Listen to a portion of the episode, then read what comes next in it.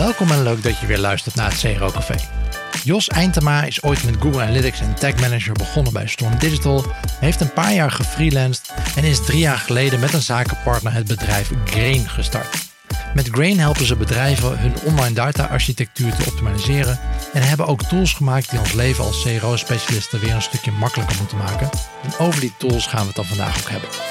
Ik ben Guido Jansen en welkom in het CRO Café. De podcast waarin ik je een kijkje achter de schermen geef bij optimalisatieteams in Nederland en met hun specialisten praat over data en mensgedreven optimalisatie en het neerzetten van een cultuur van experimenteren en valideren. Mocht je hem gemist hebben, in de vorige Engelstalige aflevering sprak ik met Amardeep Adwal over waarom empathie waarschijnlijk de belangrijkste skill is die je als CRO-specialist kan bezitten. Deze aflevering kun je terugluisteren op cro.café slash afleveringen of via de app waarin je nu aan het luisteren bent. Deze aflevering van het CRO Café wordt mede mogelijk gemaakt door onze partners Online Invloed Instituut, SiteSpect, Online Dialogue, Convert.com en Content Square. Welkom bij seizoen 2, aflevering 32. Ja, Jos, leuk je te spreken. En uh, voordat we het over die tools gaan hebben, willen we natuurlijk graag even weten wat je achtergrond is en wat je nu met CRO doet. Ja, bedankt uh, voor, uh, voor de uitnodiging. Ook leuk dat ik hier kan zijn. nou ja, ik ben Jos. Ik ja, ben eigenlijk wel zo'n 7, 8 jaar nu in, online. Ik ben begonnen met een webshop die ik had. nou, op een gegeven moment mocht ik stage lopen. En toen ben ik bij Storm Digital begonnen en in aanraking gekomen met online data. Ja, Google Tag Manager was toen eigenlijk redelijk nieuw, Google Analytics. Dus daar ben ik eigenlijk begonnen. En ja, eigenlijk op een gegeven moment wat interim opdrachten gedaan, wat langer. En ik dacht, weet je, volgens mij kan ik dit ook prima zelf. Dus ik ja, ga het stormnest uit. En ja, dat, ja, dus toen ben ik voor mezelf begonnen. En nou, na een jaar kwam ik mijn huidige compagnon Jacob tegen. Dus dat is eigenlijk een beetje de achtergrond. En um, nou, ja, we zijn eigenlijk de link met CRO is op een gegeven moment gekomen dat we bij een, eh, een klant kwamen, een uitgever in het noorden, waarbij een aantal vraagstukken waren rondom CRO. Dus zij deden redelijk veel experimenten al, uh, maar voornamelijk in eerste instantie op conversiepercentages. Ja. Uh, alleen de, de, de, de, data was dermate groot dat ze last hadden van sampling. en dat was in ieder geval in Google Analytics. En hoe los je dat nou op? Hoe zorg je er nou voor dat we toch betrouwbaar die analyses kunnen doen? En een ander vraagstuk wat ontstond was eigenlijk: hey, we doen nu binomiale experimenten, uh, nou, conversie of geen conversie, maar wat als we willen gaan kijken naar non-binomiale experimenten? Dus wat als we willen kijken naar omzet of de advertentieinkomsten of uh, de gemiddelde orderwaarde of het aantal pagina's per bezoek? Ja, op dit moment hadden ze daar simpelweg de data niet voor. En dat is eigenlijk de eerste keer dat we echt in aanraking kwamen met, uh, vanuit ons eigen bedrijf, met CRO-vraagstuk van hoe kunnen we nou zo'n specialist ondersteunen op datavlak, zodat hij zijn eh, werk eigenlijk goed kan doen. En wat voor, wat voor diensten leveren jullie dan als Grain? Of, of producten? Wij leveren vooral diensten om, uh, onze visie is eigenlijk ook dat we bedrijven willen helpen om zelf de toegang, uh, eigenaarschap en controle te hebben over hun data. En uh, enerzijds doen we dat omdat we geloven dat data steeds waardevoller is en dat je daar niet afhankelijk wil zijn van derden. En anderzijds omdat uh, ja, de data, uh, de privacy van gebruikers wordt eigenlijk steeds belangrijker. En als je dat deelt met derden, dan vooral derden die heel veel data delen, zoals een Google en een Facebook, ja, dan komt die privacy eigenlijk in gevaar. Dus vanuit daaruit helpen wij bedrijven bij het opbouwen van hun eigen online dataplatform. ja, enerzijds is dat in het beginsel een stukje Google Analytics, Google Tag Manager, maar het gaat als gauw iets geavanceerder richting de implementatie van bijvoorbeeld Splunk, maar ook uh, kijken naar Google Cloud Platform of Amazon Web Services. ja, dus dat is, dat is eigenlijk aan de ene kant wat wij doen. Dus het opzetten van die architectuur, ervoor zorgen dat de data klopt, dat die betrouwbaar is. En anderzijds hebben we een stukje machine learning, data science onderdelen waarmee we ook weer de data gebruiken. Dus vaak maak ik ook een rondje. ik zorg er dan vaak voor dat de data verzameld wordt. Ik zet het in het eh, dataplatform van de klant neer. Daar gaat vervolgens mijn compagnon uh, ermee aan de slag. En die stuurt het weer naar mij terug, zodat we het kunnen inzetten. een voorbeeld hiervan zijn bijvoorbeeld nieuwsaanbevelingen, productaanbevelingen of ja, voorspellingen van de klantwaarde. Dus dat zijn, zijn zeg maar de, de, de diensten die wij leveren qua consultancy. En gedurende nou ja, de periode dat we nu werken, maken we eigenlijk gebruik van uh, tooltjes, oplossingen die we voor onszelf gemaakt hebben die we helpen, uh, die klanten helpen. die hebben we eigenlijk onder de paraplu Harvest genoemd. Hè? Het, het nou ja, harvesten van de waarde van je data.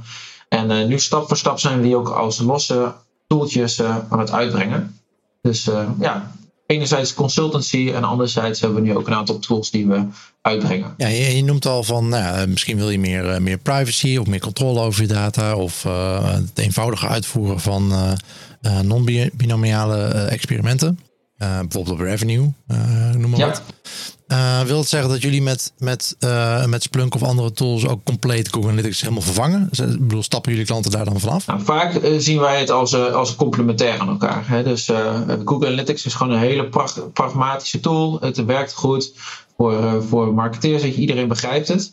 en daar is eigenlijk ook, dat tool dient het ook heel goed. Maar op het moment dat je eigenlijk de data achter de rapporten wil hebben, Ehm, in technische termen zul je dan ofwel Google Analytics 360 uh, moeten afnemen, of je zult een alternatief moeten kiezen. Uh, en dat is eigenlijk ook de reden waarom wij toen zijn gaan zoeken van hey, wat is nou een, een, een mogelijkheid om toegang te krijgen tot die data achter de rapporten. Ja. En in het geval van die uitgever gebruiken we het ook naast elkaar. Dus de snelle inzichten, uh, de rapportjes, de real-time dashboards, die gebruiken, we nog, gebruiken de marketeers vaak in Google Analytics. Maar zeg maar het uh, ja, data analyseren, het crunchen, zeg maar, uh, uh, dat doen wij in, in, in Splunk dan. Ja, maar dan ga ik even een flauwe vraag stellen. Maar als bedrijven daarvoor kiezen vanwege privacy, dan helpt het natuurlijk niet als ze gewoon Google Analytics nog laten draaien. Toch? Of? Nee, dat is een hele goede vraag. Het, heeft andere voordelen. Nou, natuurlijk, dat, dat, snap ik. Uh, in, data en, en het uh, processen daarvan. Maar qua privacy, als je Google Analytics alsnog laat draaien. Ja, ja dus wat, in principe kun je het vervangen. Hè? Dat, is, dat is ook mogelijk. Wat we nu zien is dat we, uh, dat, dat een proces is. Je kan niet zomaar Google Analytics de deur uitgooien en verwachten dat iedereen met een andere applicatie gaat werken. Ja. Ehm, dus dat is een proces uh, zoals, wij dat, uh, wat, zoals wij dat zien. Dat je, ja, je moet als bedrijf moet je die stap gaan maken. En dat, dat kost gewoon een, een, een tijd. Vooral als je wat grotere organisaties hebt waar je deze vraagstukken spelen. Ja. Dus, uh, is dat vooral een proces intern, zeg maar, voor de kennis van de mensen die met dat platform werken? Gewoon, het is gewoon maar lekker makkelijk om met Google Analytics te werken.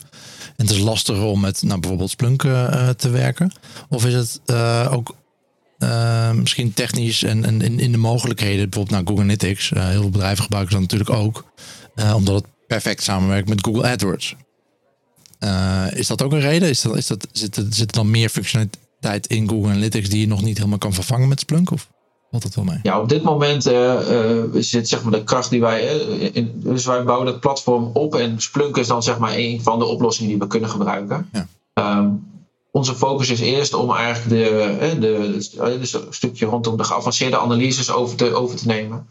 Ehm, ja, weet je, Google Analytics, eh, eh, dat werkt gewoon heel prettig. Daar, hebben we, daar willen we ook niet per se direct mee concurreren. Maar op het moment dat je gaat zeggen van hé, hey, voor ons is privacy heel belangrijk. Ja, dan moet je de afweging maken van enerzijds heb je een stukje gebruiksgemak. Ja, weet je, de Google Analytics is gewoon heel makkelijk. En anderzijds heb je het stukje privacy. Ehm, en dan kan het zijn dat je als bedrijf er wel voor gaat kiezen: oké, we gaan een iets minder uh, gebruiksvriendelijke oplossing in het begin. Hè, want uh, nadat je went, dan werkt het natuurlijk ook gewoon prima. Uh, maar ons doel is niet om, om die concurrentie op dit moment aan te gaan. Wij kiezen er echt voor dat we zeggen: oké, ehm, wij vinden het van belang dat je als bedrijf in ieder geval zelf die data hebt. Als je dan daarnaast nu nog Google Analytics gebruikt, dat is prima. Maar als je dan stopt met Google Analytics of je wil de data erachter hebben, dan heb je die in ieder geval tot je beschikking. Ja. Uh, en in die zin zie ik het als uh, in de eerste fase zelfs zou je het kunnen zien als je hebt in ieder geval een backup. En nu geef je eigenlijk al je informatie weg aan een derde en je hebt zelf niks. Dus als die derde zegt, hey, toedeloe, ben je alles kwijt en moet je weer opnieuw beginnen. Dus eerst is het al van belang om gewoon zelf die inzichten te hebben. Nou, en daarna, zodra je dat hebt, dan begint het met: oké, maar wat is die data dan waard voor mij? Waarom, waarom wil ik dit? Ehm, want dat is ook nog vaak een uitdaging. Het is redelijk abstract data. Hè? En we hebben heel veel tooltjes in de markt. Je hoeft er maar data naartoe te sturen en ze leveren iets op. Uh, maar het is eigenlijk een black box wat er nou precies gebeurt. Uh, en zodra je het abonnement opzegt, ja, ben je weer van begin af aan. Uh, dat is ook een stukje, ja, ik, ik, ik denk een stukje, hoe zeg je dat? ja, opleiding. Hè? Dat mensen begrijpen van hé, hey, er zit daar heel veel data in het is niet voor niets dat het gratis is bij Google Analytics of bij, uh, ja. uh, bij Facebook. En, en, dat proberen wij uh, deels duidelijk te maken dat die waarde er is. En anderzijds proberen we ook door middel van concrete use cases de waarde direct te brengen. Want wij begrijpen ook dat je niet zomaar een, een overstap gaat maken, niet zomaar voor een oplossing gaat kiezen. Sowieso is natuurlijk de oplossing eigenlijk niet per definitie het belangrijkste, maar hetgeen wat we eruit gaan halen. En uh, ja, dat, dat is eigenlijk de, de, de stap die wij zetten. Marketing budgets have suffered, and the share for A/B testing has been impacted too. If you want to keep testing to enterprise standards but save 80% on your annual contract, you can consider Convert.com. With their summer release, you can take advantage of full stack and hybrid features, strong privacy compliance, no blink, and enterprise grade security. Feel good about your smart business decision. Invest what you save back in your CRO program. Check out www.convert.com/2020. Ik kan me voorstellen dat het voor, voor veel klanten een grote hurdle is als jullie daarmee komen. Van oké, nou, dan hebben we Splunk nodig. Um, maar Google Analytics dat is gewoon lekker gratis. dus ik kan me voorstellen dat, voor, voor veel, dat het een lastig verhaal is, zeg maar, waar je, waar je mee begint. En dat het een grote uh, bottleneck is uh, waar, je, waar je tegenaan loopt. Is dat zo of, of valt het wel mee? Nou, dat, het is heel interessant, want we zijn eigenlijk al een redelijke tijd bezig. En we komen, eerst was de Harvest-oplossing een heel groot, uh, grote tool. Uh, waarmee uh, heel veel features in zitten. En als je dan met die features aankomt, dan zeg je: ja, ja, maar dit en dit hebben we al. En wat we nu eigenlijk proberen te doen, is een, een andere aanpak te, te gaan, gaan doen. Op het moment dat jij als bedrijf non-binomiale experimenten wilt doen, dan heb je simpelweg, als je Google Analytics hebt, een probleem. Je kan het namelijk nu niet doen. Ja, want voor, de duidelijkheid, uh, uh, hoe Splunk werkt, die, die, die uh, verzamelt alle data op, op gebruikersniveau.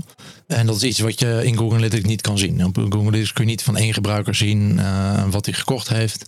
het is allemaal geaggregeerde data, allemaal samen, samengevat.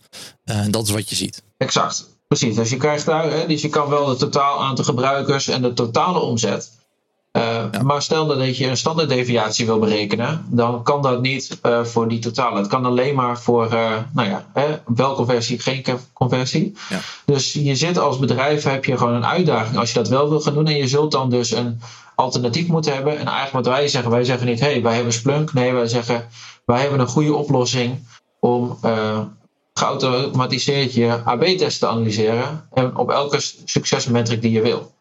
En Weet je, dat is, dat is een heel ander verhaal natuurlijk dan dat je komt met: hé, hey, we hebben Splunk en dat moet je nu nemen.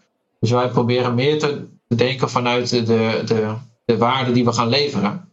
En je ziet dat ook dat hey, op het moment dat je dan dus de data hebt voor uh, eh, AB-tests, dus een, mooi voorbeeld is denk ik de use case die we hadden bij die uitgeverij.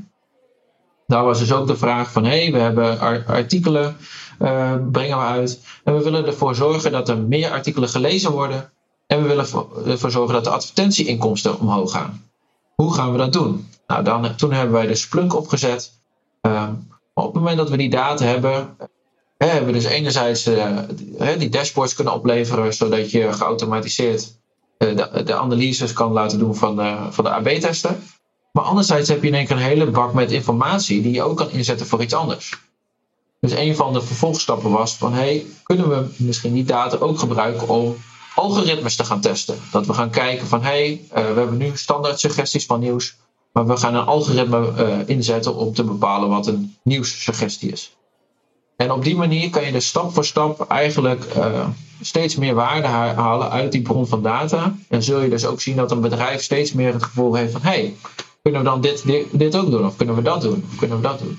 En zo proberen we dus use case by use case ja, de klanten, klanten te helpen inzicht te krijgen en de waarde van hun data en die potentie. En uh, voor, voor de, überhaupt de mensen die, die Splunk uh, niet kennen, uh, kun je het een beetje plaatsen? Wat, wat moeten we het zien als een, als een data management platform of een customer data platform? Of, of wat zijn een beetje de, de concurrenten, zeg maar? Ja, dat is een hele goede vraag.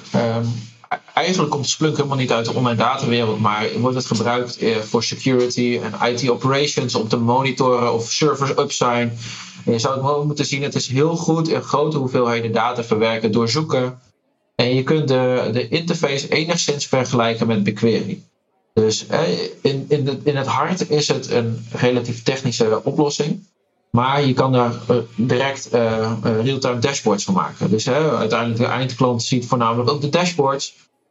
maar achter de schermen is het eigenlijk kun je het vergelijken met de combinatie Google Analytics 360, BigQuery en Data Studio.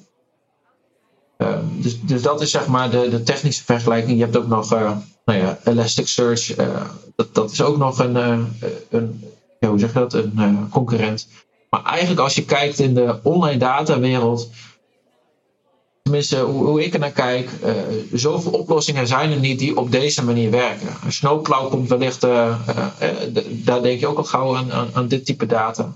Maar normaal gesproken wordt er toch heel veel gewerkt vanuit user interfaces, Google Analytics. En dat is ook eigenlijk waar wij mee bezig zijn. Er is eigenlijk nog een hele wereld achter die data. En er zijn allemaal data scientists die werken bij bedrijven met hè, offline data. Waarom ga je die niet ook inzetten op die online data? Alleen daar heb je een goed platform voor nodig. En uh, ja, dat platform proberen wij uh, ja, nou, dat is wat, ik net al zei, uh, Google Analytics is gratis. Splunk is dat niet. Kun je, kun je een beetje een indicatie geven? ik bedoel, we zijn natuurlijk Nederlanders. Ja, ja. Dan gaan weten wat het kost. kun je een indicatie geven? Waar, waar hangt überhaupt de pricing vanaf? Ja, dus de pricing hangt af van de hoeveelheid data die je verzamelt. Dus je betaalt alleen voor het verzamelen. Maar op het moment dat je dan vervolgens zegt, ja weet je, ik ga niet meer verzamelen. Ik ga het alleen maar analyseren en doorzoeken. Daar betaal je dus niet voor. Dus dat is eigenlijk een heel groot verschil ook met andere oplossingen waar je ook geen toegang meer hebt tot je data als je niet meer betaalt. Ehm, dus dat is, dat is daar het, uh, in de basis het af, afrekenmodel. Maar ook hier kijken wij eigenlijk niet zozeer naar, hey, je hebt Splunk nodig, maar wij kijken meer vanuit welke use cases voor jou van belang. En dat is eigenlijk onze nieuwe, nieuwe manier van klanten ook. Weet je, er is een, een concreet probleem dat een klant heeft, wat ze niet kunnen oplossen met de tools die ze nu hebben of überhaupt met de kennis die ze hebben. En wij zorgen ervoor, eventueel samen met marketingbureaus, van hey, hoe zorgen we ervoor dat die klant geen dat hij zijn behoeften vervuld krijgt. Nee, dat snap ik. Maar, maar om een beetje een beeld te krijgen van, uh, nou ja, ik heb uh, 100.000 uh, bezoekers op mijn website uh, elke maand. We hebben, I don't know, 3% conversie, 3000 orders per maand. Ja. Wat, wat ben ik dan kwijt aan Splunk? Hangt het daar, of hangt het er überhaupt vanaf? Is het een fixed fee? Of? Ja, dus je zou ongeveer kunnen berekenen als je 10 miljoen events hebt, ja. dan is dat ja, ongeveer dus het hangt ook af wie, waar je de hosting doet. Maar in principe alles managed is zou ongeveer zo'n 1000 euro per maand zijn. Dus dat zijn uh, eh, 10 miljoen events per, uh, per maand. Ja, precies. Een event moeten we gewoon uh, elke keer een hit op de server van, van Splunk. Exact, ja. wat het ook is. Ja, oké. Ja. Helder. En nou, je zei net al, van, het hangt een beetje vanaf waar je host. Je moet het dus ergens hosten. Of is er ook een, een SaaS-variant van of zo? Of kun je het zelf op je eigen server doen? Of hoe, wat voor varianten zijn daarin? Ja, een goede vraag. Dus wat ik net benoemde, die, die 1000 euro per maand, dat is uh, volledig managed. Dus dan, uh, uh, dan, dan heb je gewoon een eigen server die beheerd wordt door ons. waar je op in kan loggen en dan heb je, heb je alles. Maar als je wil kun je ook, kunnen we het ook installeren op je eigen server.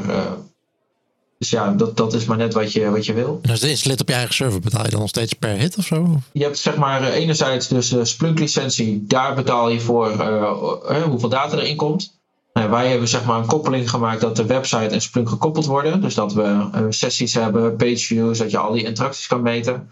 Uh, en daarnaast heb je nog je hostingkosten. Dat zijn grofweg de drie bakjes waar de kosten in vallen. Ja, en als je alle, alle hosting zelf doet, dan valt dat bakje uh, valt weg. En die komt dan eventueel voor eigen rekening. Ja, precies. Ja. Tot zover de Splunk commercial. nee, maar, ik bedoel, Splunk is meer, meer het, uh, een voorbeeld hier. Maar het is wel goed als we even wat context hebben natuurlijk van, uh, van wat voor tool het is. Ja. Um, dat we dat uh, weten. Nou, dan ben ik wel benieuwd. Ik bedoel, wij zijn natuurlijk, of de luisteraars in ieder geval, zijn allemaal mensen die veel experimenten doen. hoe kan Splunk ons helpen? Wat, wat, ehm, en, en bij voorkeur automatiseren? Ik bedoel, we zijn natuurlijk liever luid moe. Ja. tenminste, ik persoonlijk wel. hoe, hoe, hoe, kunnen we Splunk gebruiken? Om ons werk makkelijker te maken, om, ons leven als, als CRO-specialist makkelijker te maken? Nou, hele goede vraag. Um, wat, in, in, principe heb je de, uh, nou, alle, alle interacties met gebruikers, al die data staat in Splunk. En wat je kan doen is je kan daar naar zoeken, je kan standaard zoekopdrachten maken en vanuit die zoekopdrachten kan je weer rapporten maken. Maar wat je dus ook kan doen is je kan al uh, je eh, significantie laten berekenen. En wat je dus eigenlijk hebt, is je hebt een dashboardje waarin je aangeeft welk experiment heb ik, wat is mijn succesmetric. En automatisch staat er een dashboard met hoeveel gebruikers waren erin, hoe vaak is die succesmetric bereikt en wat is de kans dat hij het origineel bereikt. Dus eigenlijk heb je in één keer, in één opslag, het resultaat van je experiment. En dat zorgt er dus voor dat je als nou ja, niet meer de data hoeft op te halen. Nee, je hebt direct ja, je resultaat, zeg maar. Dus dat jij je kan focussen op het ja, redigeren van het experiment, het bedenken ervan, maar het stukje analyse wordt in die zin uit, je, uit handen genomen. En daarbij kun je dan ook nog zelf bepalen ja, welke, welke statistiek gebruik je om die significantie te bepalen. Dus dat is eigenlijk aan de ene kant. Je hebt een stukje visualisatie wat geautomatiseerd wordt. Maar anderzijds kun je ook de data weer als input gebruiken voor bepaalde modellen. Waarmee je bijvoorbeeld geautomatiseerd alle stappen van de funnel gaat bekijken tegen alle dimensies en dat er gezegd wordt: hey, volgens mij is het verstandig om te gaan kijken bij uh, mobile op Safari. Want daar zien wij een hele grote drop in uh, conversies. En nou ja, dat is ongeveer dit waard. Want als ze wel geconverteerd hadden, dan was dit de omzet geweest. Dus op die manier kan het je ook nog helpen in een stukje exploratie van: hey, wat zijn nou de pijnpunten die ik moet gaan oplossen? Ja. Dus aan, aan, aan, twee kanten, zeg maar uh, zou het een CRO-specialist kunnen helpen. Tof. Ja, en, en uh, als we het dan hebben over het runnen van AB-testen, uh, maakt het dan uit welke tool ik gebruik om, om, voor, ja, om, om die AB-testen te doen? Nee, in principe zit het zo in elkaar. Aan de ene kant heb je je stukje dataverzameling en anderzijds heb je dus Splunk of de, de bak waarin je data zit. Ja. ja, en via Tag Manager hebben wij een stukje code dat overal meemeet. En eigenlijk het enige wat je doet is je gaat ervoor zorgen dat je de cookie bijvoorbeeld van Optimizely of Convert uitleest om te bepalen in welke variant een experiment iemand zet. Uh, en daarbij uh, is ons doel ook altijd om ervoor te zorgen dat we gewoon met elk event eigenlijk weten in welk experiment of experimenten iemand zit. Dus dat is ook nog een mooi technisch onderwerp waar je heel lang over kan hebben over scoping. Moet je session, hit, user. En wij zorgen er eigenlijk altijd voor dat het op hit scope is. Um, ja, dus eigenlijk maakt het niet uit welke tool je hebt. Uh, en kun je die koppeling op die manier uh, uh, maken. Yesterday's brainstorm was so good. I really liked Steph's idea of running that test on the call to action buttons. Making them orange will really make them stand out, don't you think? Yeah, right. Do you want to design real A B test winners and achieve enormous conversion uplift? Then stop brainstorming and take a scientific approach. If you can read Dutch, follow the steps in Online Invloed, the bestseller on managementbook.nl. Or enroll in the author's course and become an expert in applying proven behavioral science yourself. Go to onlineinfluence.com for more information and free downloads. Oké, okay. en moet ik dat dan voor elk experiment opnieuw instellen? Of is dat iets dat ik, ik stel gewoon één keer in, oké, okay, we gebruiken Convert, lees die cookie uit en klaar? Ja, precies dat. Lekker. Ja. ja. En uh, nou ja, ik ben benieuwd, je had het net over een uh, case van een uitgever. Uh, hoe is dat tot stand gekomen? Wat, wat hebben jullie daar nog meer gedaan? Ja. Is, is dat echt is dat beperkt gebleven tot het uh, optimaliseren voor? Nou, waar, waar, waar begon het op optimaliseren voor? Aantal pageviews of zo? Gok, ja, dus het aantal. Uiteindelijk ging het daarom het aantal advertentieinkomsten ja. Hoger. En dat heeft natuurlijk uh, te maken met hoeveel adslots geviewd worden. En hoe ja. meer pagina's, hoe meer adslots. Dus die combinatie. Kun je erover discussiëren hoe, hoe, hoe, hoe efficiënt dat is. Maar... Nou ja, maar dat zijn, dus dit was één voorbeeld van een experiment. We hebben inderdaad ook, uh, dus dat was uh, veel experiment gedaan van hoeveel adslots moeten we nou tonen. Want ja. als we er drie doen, wat heeft, impact heeft dat op enerzijds het aantal pagina weergaven. Maar anderzijds, hè, dus dan gebruik, kun je ook meerdere statistieken gebruiken waarbij één de succes is, maar de andere ook nog een soort van hygiënefactor. Want ja, je kan er wel voor zorgen dat je advertentieinkomsten omhoog gaan, maar als vervolgens nooit meer iemand terugkomt, ja, dan, uh, dan he, heb je alsnog geen, uh, geen resultaat. Maar we zijn er dus eigenlijk begonnen met nou ja, standaard experimenten in de zin van hè, wat kun je doen? Uh, buttons verplaatsen, adslots verplaatsen. Ehm, maar waar we op een gegeven moment, omdat we dus die data hadden, konden we ook meer gaan werken met een stukje machine learning en gaan toetsen hey, kunnen we dat inzetten om, uh, om te verbeteren? Dus dan zijn we daar. Eh, eigenlijk hebben we dus die CRO-specialist meer handvaten gegeven om andere type experimenten ook te doen. En dus een van die experimenten was uh, automatische artikelaanbevelingen. maar de uitgever had bijvoorbeeld ook uitjes die die verkocht. En daar gingen we gaan kijken van, hey, kunnen we een, een nieuwsbrief testen waarbij de ene keer standaard suggesties gegeven worden en de andere keer suggesties op basis van de data. Nou, dat zijn dus mooie combinaties van, van, van ja, hoe zeg dat, kennisgebieden, zeg maar. Dat als je die combineert, je eigenlijk een, mooie synergie weet te realiseren. En wat we daarnaast vervolgens op een gegeven moment gedaan hebben, want dat is dus ook het interessante rondom dat platform, hebben we op een gegeven moment gezegd: hé, hey, er zit eigenlijk heel veel waarde in de artikelen die iemand leest. Want ja, als jij veel over politiek leest of heel veel over sport leest, dan geeft dat enigszins een indicatie van wat voor artikelen je interessant vindt. Maar geeft ook een indicatie over uh, überhaupt waar je in geïnteresseerd bent. Dus wat we gedaan hebben is eigenlijk alle artikelen worden uh, geautomatiseerd. Uh, ja, hoe zeg je dat? geanalyseerd op basis van natural language processing. Ja. Wat ervoor zorgt dat we elk artikel geautomatiseerd een klassificatie kunnen geven. Nou, dat is ook weer een mooi stukje ja, professionalisering. Ja, want we kregen het gewoon niet voor elkaar om de redactie te laten. Hè. De ene keer uh, ontbreekt er iets, of de ene keer wordt het soccer, dan wordt het voetbal, of uh, nou, noem maar op. En op die manier uh, hebben we, nou ja, ook voor een stukje standaardisatie. En dat is ook weer nieuwe input voor een, voor een specialist om doelgroepen en andere variabelen in te zetten om testen. Ja, en je noemt net al die, nee, je kan verschillende algoritmes tegen elkaar testen. Is dat iets waar Splunk, Splunk is niet alleen maar een product, er zit ook een, volgens mij een redelijk grote dedicated community omheen.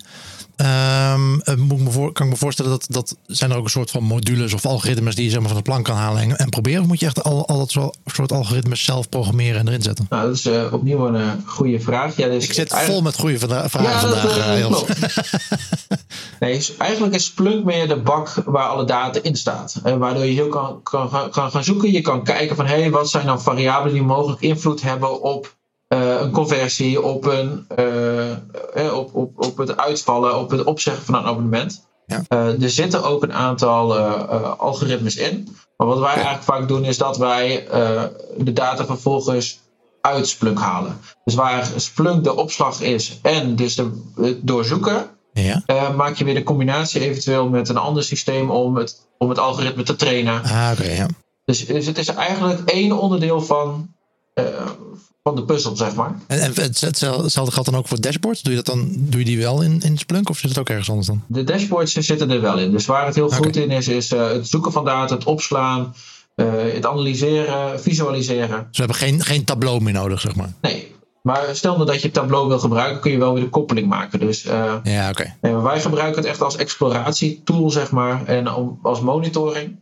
Um, en dan vervolgens bepaalde algoritmes die trainen wij uh, uh, op basis van de data. Uh, maar, ja, dat, dat, dat, maar dan kan je bijvoorbeeld ook iets als ja, Databricks bijvoorbeeld opzetten.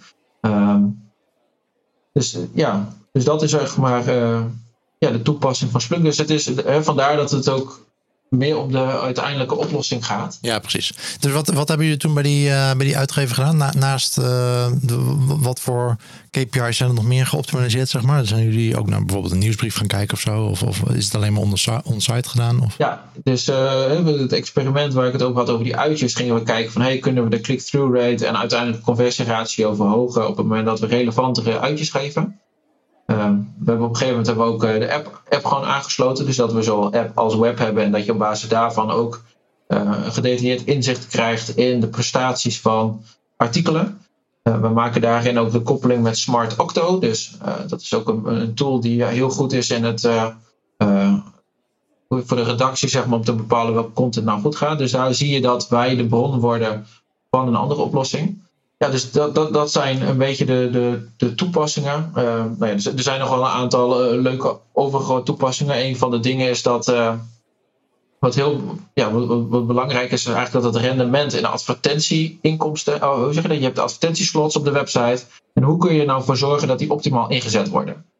En net als waar de markt wordt steeds eigenlijk volwassener. En op een gegeven moment krijg je de vraag van adverteerders van... hé, hey, wij willen niet meer betalen omdat een advertentie uitgeserveerd is... maar dat die in beeld is. Ja. Dat is een hele... Wat je dus kan gebruiken is bijvoorbeeld Google Ad Manager. En Google Ad Manager die maakt een schatting of een advertentie in beeld zal komen. En op basis daarvan uh, serveren ze dan uit. Maar het komt dus ook voor dat Google Ad Manager dus de positie vergeeft maar dat die uiteindelijk niet in beeld gekomen is. En dan heb je dus eigenlijk je advertentiepositie verspeeld. Ja. Dus wat gingen wij doen? Wij gingen zelf analyseren. Kunnen wij beter voorspellen of weten of een, of een uh, impressie uh, uh, zichtbaar zou worden? Dus dat die bekeken zou worden. En daarmee hebben we dus ook voor gezorgd dat we, dat was volgens mij 30% minder waste hadden. Dus ja, je kan het, dus het interessante, je kan het zo breed trekken als je zelf wil. Als je gewoon toegang hebt tot die, tot die data. Oké. En um, um, nee, je hebt de, we hebben het over data, vooral van, uh, van de klant zelf. Uh, is het ook in Splunk makkelijk om, om externe data toe te voegen? Bijvoorbeeld, nou, uh, know, ik heb een, wil een koppeling met KNMI maken. Wat voor weer is het? Want ik verkoop parapluën. Ja. is, dat, is dat eenvoudig te doen? Of? Ja, eenvoudig. Dat zijn ook koppelingen die we steeds aan het uit ontwikkelen zijn. En uiteindelijk eh, kunnen andere mensen dat ook ontwikkelen. Dus dat is het mooie dat we ook eh, dat het uiteindelijk een. Eh, ja, je hebt, zeg maar, het staat op een server waar iedereen eigenlijk natuurlijk in kan loggen. Dus elke programmeur kan daar iets aan toevoegen. dus ja, je kan gewoon een koppeling maken met het KNMI. Dus wat je dan doet is, hey, je hebt bijvoorbeeld een event op de website, een add to cart. Nou, we weten op basis van, we weten welke browser het was. En wat we dan doen is in, de, in de pipeline zou je als het ware kunnen zeggen: hey, voeg daar ook het weer eh, aan toe. Zodat je vervolgens weer kan gaan kijken: hey, heeft weer invloed op mijn conversieratio? Hey, heeft weer invloed op uh, de kans dat iemand gaat retouren? Bijvoorbeeld. Nou, mooi, dan ga ik dat voor mijn paraplu's. ja, we KNMI, je, je kan gewoon uh, KNMI. ik weet niet of ze een API hebben eigenlijk. Vast wel. Uh, ik werk vooral, je kan toch gewoon een, een bak data als, uh, als CSV-bestand uh, downloaden. Ja, ja, dus dat kun je ook uploaden. Dat, ja, dus dat, dat is ook het mooie. Zeg maar in, de, in, in de basis is Splunk een oplossing waar je heel makkelijk data in kan stoppen. Dus je kan er CSV's in uploaden, je kan er data naartoe streamen. Precies. Dat maakt het, maakt het mogelijk om eigenlijk verschillende use cases te passen. Ja. Tidespec offers a worldwide unique A-B testing, personalization and product recommendation solution. SiteSpec works server-side without any tags or scripts, which guarantees an optimal performance. The SiteSpec solution eliminates delays and the chance of any flickering effects, and this approach also ensures that the current and future browser security rules like ITP and ETP don't make an impact on your A-B testing and personalizations. For more info, visit sitespec.com. Hey, je had het net al een beetje aan, maar uh, met, met Splunk kun je dus ook uh, um, ja, mensen in, in, in hokjes stoppen, personaliseren.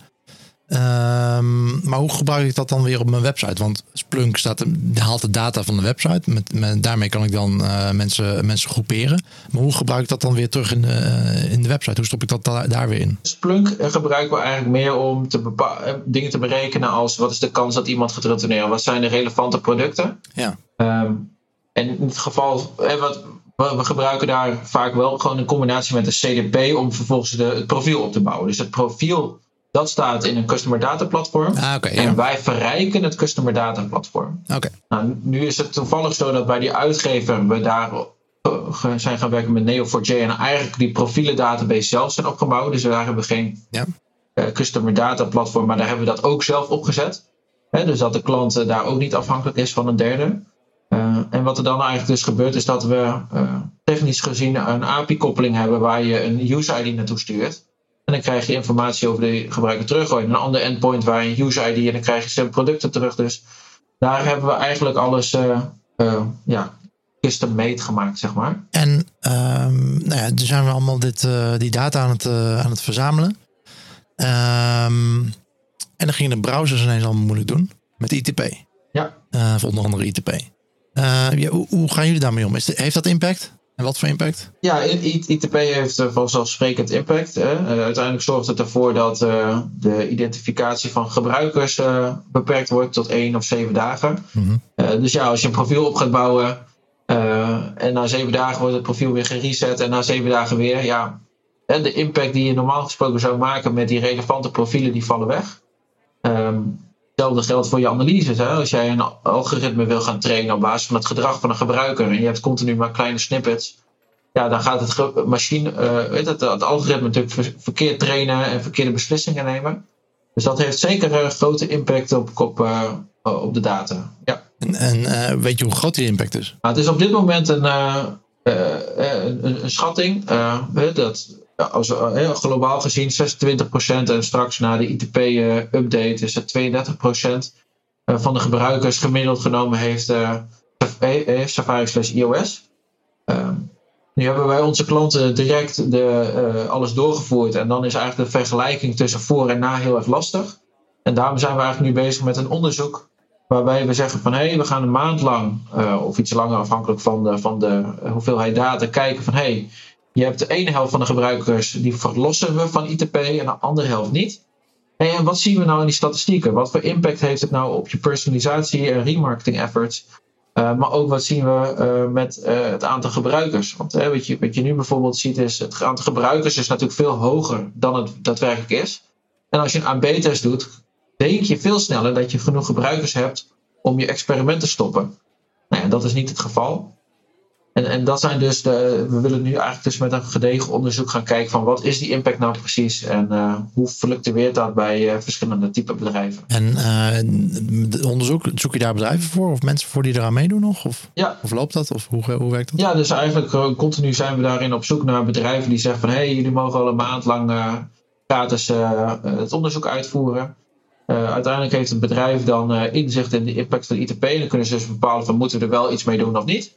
Uh, en dat zorgt ervoor dat wij uh, uiteindelijk beter begrijpen wat, wat ITP nu doet. En die, die, mensen kunnen dan jou mailen? Of waar, waar moeten ze terecht? Ja, ja ze, ze kunnen ons ma mailen. ik zal ook even een linkje delen met de, de, landingspagina waar wat meer informatie op zit. Dus, Oké, okay, top. Dan zetten we dat linkje in de show notes. Als je hier naar luistert, dan kun je die terugvinden op de website. Ja, dan ben ik eigenlijk wel benieuwd. Als mensen nou enthousiast zijn van... hé, hey, ik wil, wil Splunk eigenlijk wel een beetje een keer proberen... Uh, we hebben genoeg uh, data nerds in onze community uh, zitten. Wat zijn een beetje de. Wat voor achtergrond moet je hebben? Wat voor programmeerervaring nodig? Wat voor, wat voor skills heb, skillset heb je nodig? Ja, in principe zetten wij de hele infrastructuur op. En uiteindelijk wat je dan krijgt is de data in, in Splunk. En ja, je moet het leuk vinden om een beetje te, te zoeken in data. Dus als je het leuk vindt om iets met SQL of met BigQuery en dat je het leuk vindt om, uh, om, om daardoor te zoeken. Dat is eigenlijk het enige wat je nodig hebt. En dan wijst het zich redelijk vanzelf. Je hebt heel veel documentatie, want het is gewoon een heel uh, veel gebruikte oplossing. Ja, ja dus uh, wij helpen gewoon bij het inzetten op de infrastructuur. Ehm, en wat we ook vaak doen met klanten is dat we zeggen van hé, hey, we hebben hier een specifieke use case, laten we daar gewoon een proof of concept mee doen. Dat je ook concreet een, een actiepunt hebt, zeg maar, om, om naartoe te gaan.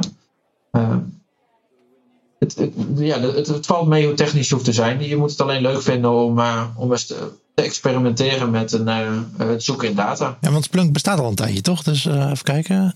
2003. Ja. Het is al 16 jaar oud.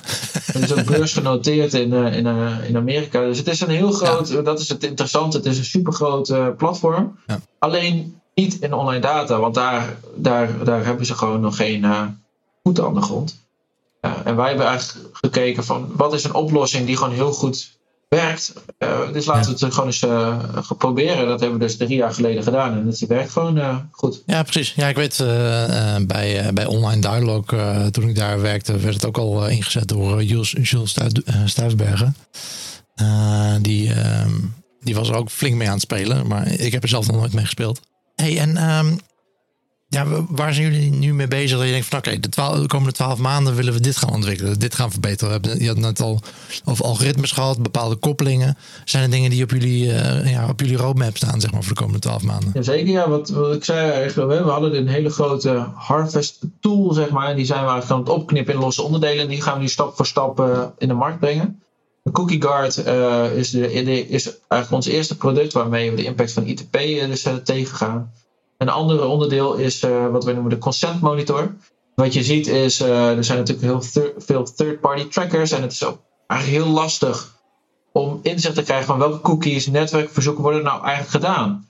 Uh, op de homepage is het makkelijk controleren, maar achter elke bedankpagina is het soms heel moeilijk controleren. Dus wat we eigenlijk geven is inzicht in, hey, nee, we noemen het dan real-time inzicht in AVG-incidenten. Dus is er op een website ergens op door een gebruiker een netwerkverzoek getriggerd wat niet overeenkomt met je cookie-melding en met de toestemming die hij gegeven heeft. Uh, dus dat is onze consent monitor. En daarnaast uh, ja, zijn we bezig met het integreren van die uh, artikelaanbevelingen, productaanbevelingen, dat dat eigenlijk standaard onderdelen worden van, ons, van het platform. En zo proberen we eigenlijk dat, dat platform steeds verder uit te bouwen met standaard koppelingen. Oké. Ja, dus dat, dat zijn grofweg de, de stappen die we, die zetten. Ja, maar dat is wel grappig. Het is inderdaad een soort, soort AVG, een soort continue audit van je eigen website. Of dat nog steeds klopt. Want ja, dat, dat, ja. dat, uh, dat probleem heb je natuurlijk. Dat uh, je website verandert continu. Je kan wel op één moment uh, compatible zijn, maar ja, zo'n website wordt ook doorontwikkeld. Er komen nieuwe releases van de website of uh, er is iemand een leuke AB-test aan het uitvoeren die, die daar misschien niet mee compatible is. En dan krijg je daar dus een melding van. Klopt. En het grappige is dat het niet alleen is dat jij iets aan kan passen, maar het kan ook zijn dat een scriptje wat je ergens inlaat aanpast. En weet je, enerzijds, je kunt het probleem op twee manieren tackelen. Je kan hand, of drie eigenlijk, je kan handmatig controleren, je kan periodiek crawlen of je kan continu meekijken. En wij hebben dus gekozen voor continu meekijken, want dan weet je gewoon alle gebruikers, alle devices, alle pagina's. Ja. Uh, en het is real-time. Dus uh, klopt, het is eigenlijk voor heel veel privacy officers om ook een oogje in het zuil te houden van hey, uh, die marketeers die lekker lopen te knutselen in de tag manager, zeg maar.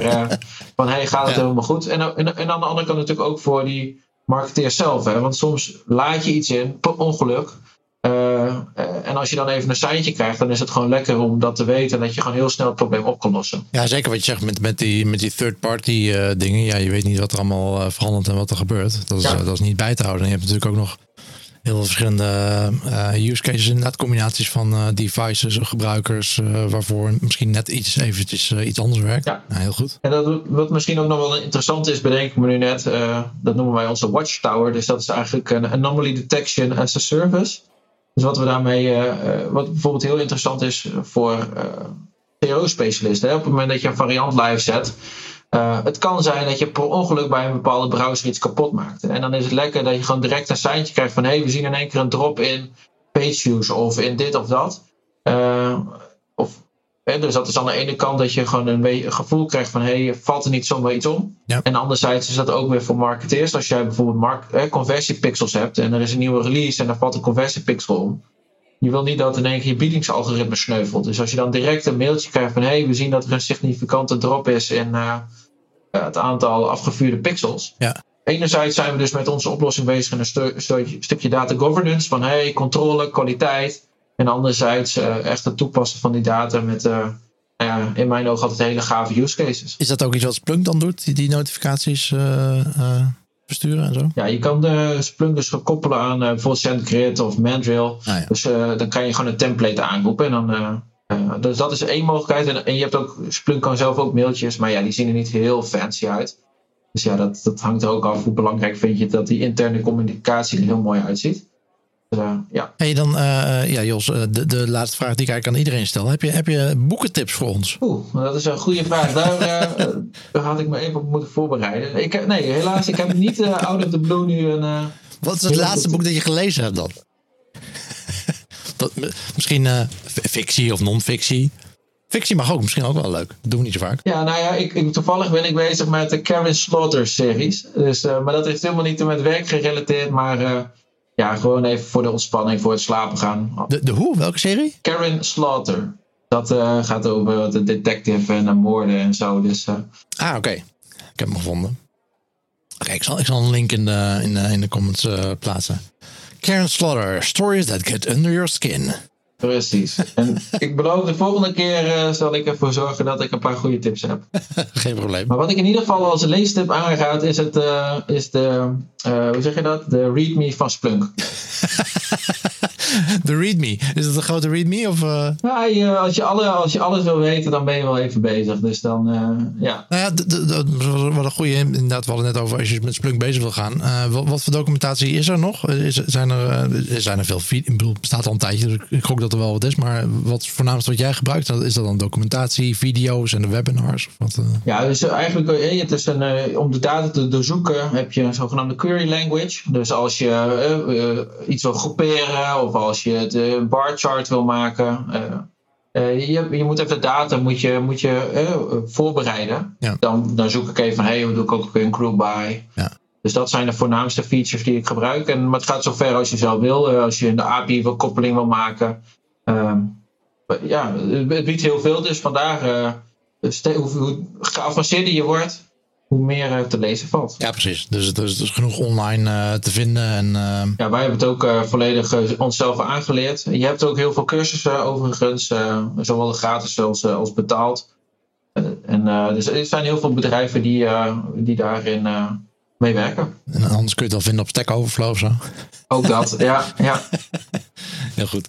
Je kan ons bellen. Ja, precies. Kunnen jullie bellen. Ja. Nou link naar jullie staat in ieder geval eh, in de show notes. Eh, Jos, dankjewel. Eh om ons eh, meer te vertellen over ehm, eh, ITP en, en Splunk in ieder geval. En leuk om te, te horen wat, wat jullie daarmee doen en hoe het leven van, van Zero daarmee een stuk makkelijker gemaakt zou kunnen worden. Ja, graag gedaan en bedankt dat ik hier mag zijn. You're welcome. Oké, dag Jos. Doei doei. Hoi hoi. Dit was seizoen 2, aflevering 32 van het CRO Café met Jos Eintema van Brain. Mocht je meer willen weten over wat we hebben besproken, kijk dan op de CRO Café website voor de show notes met alle links.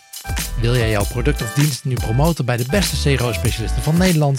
Neem dan een kijkje op cro.café partner voor de mogelijkheden. Wij spreken elkaar volgende week weer in een Engelstalige aflevering waarin ik met AJ Davis praat over creativiteit in het CRO-proces en het verbeteren van je user research. Tot dan en always be optimizing.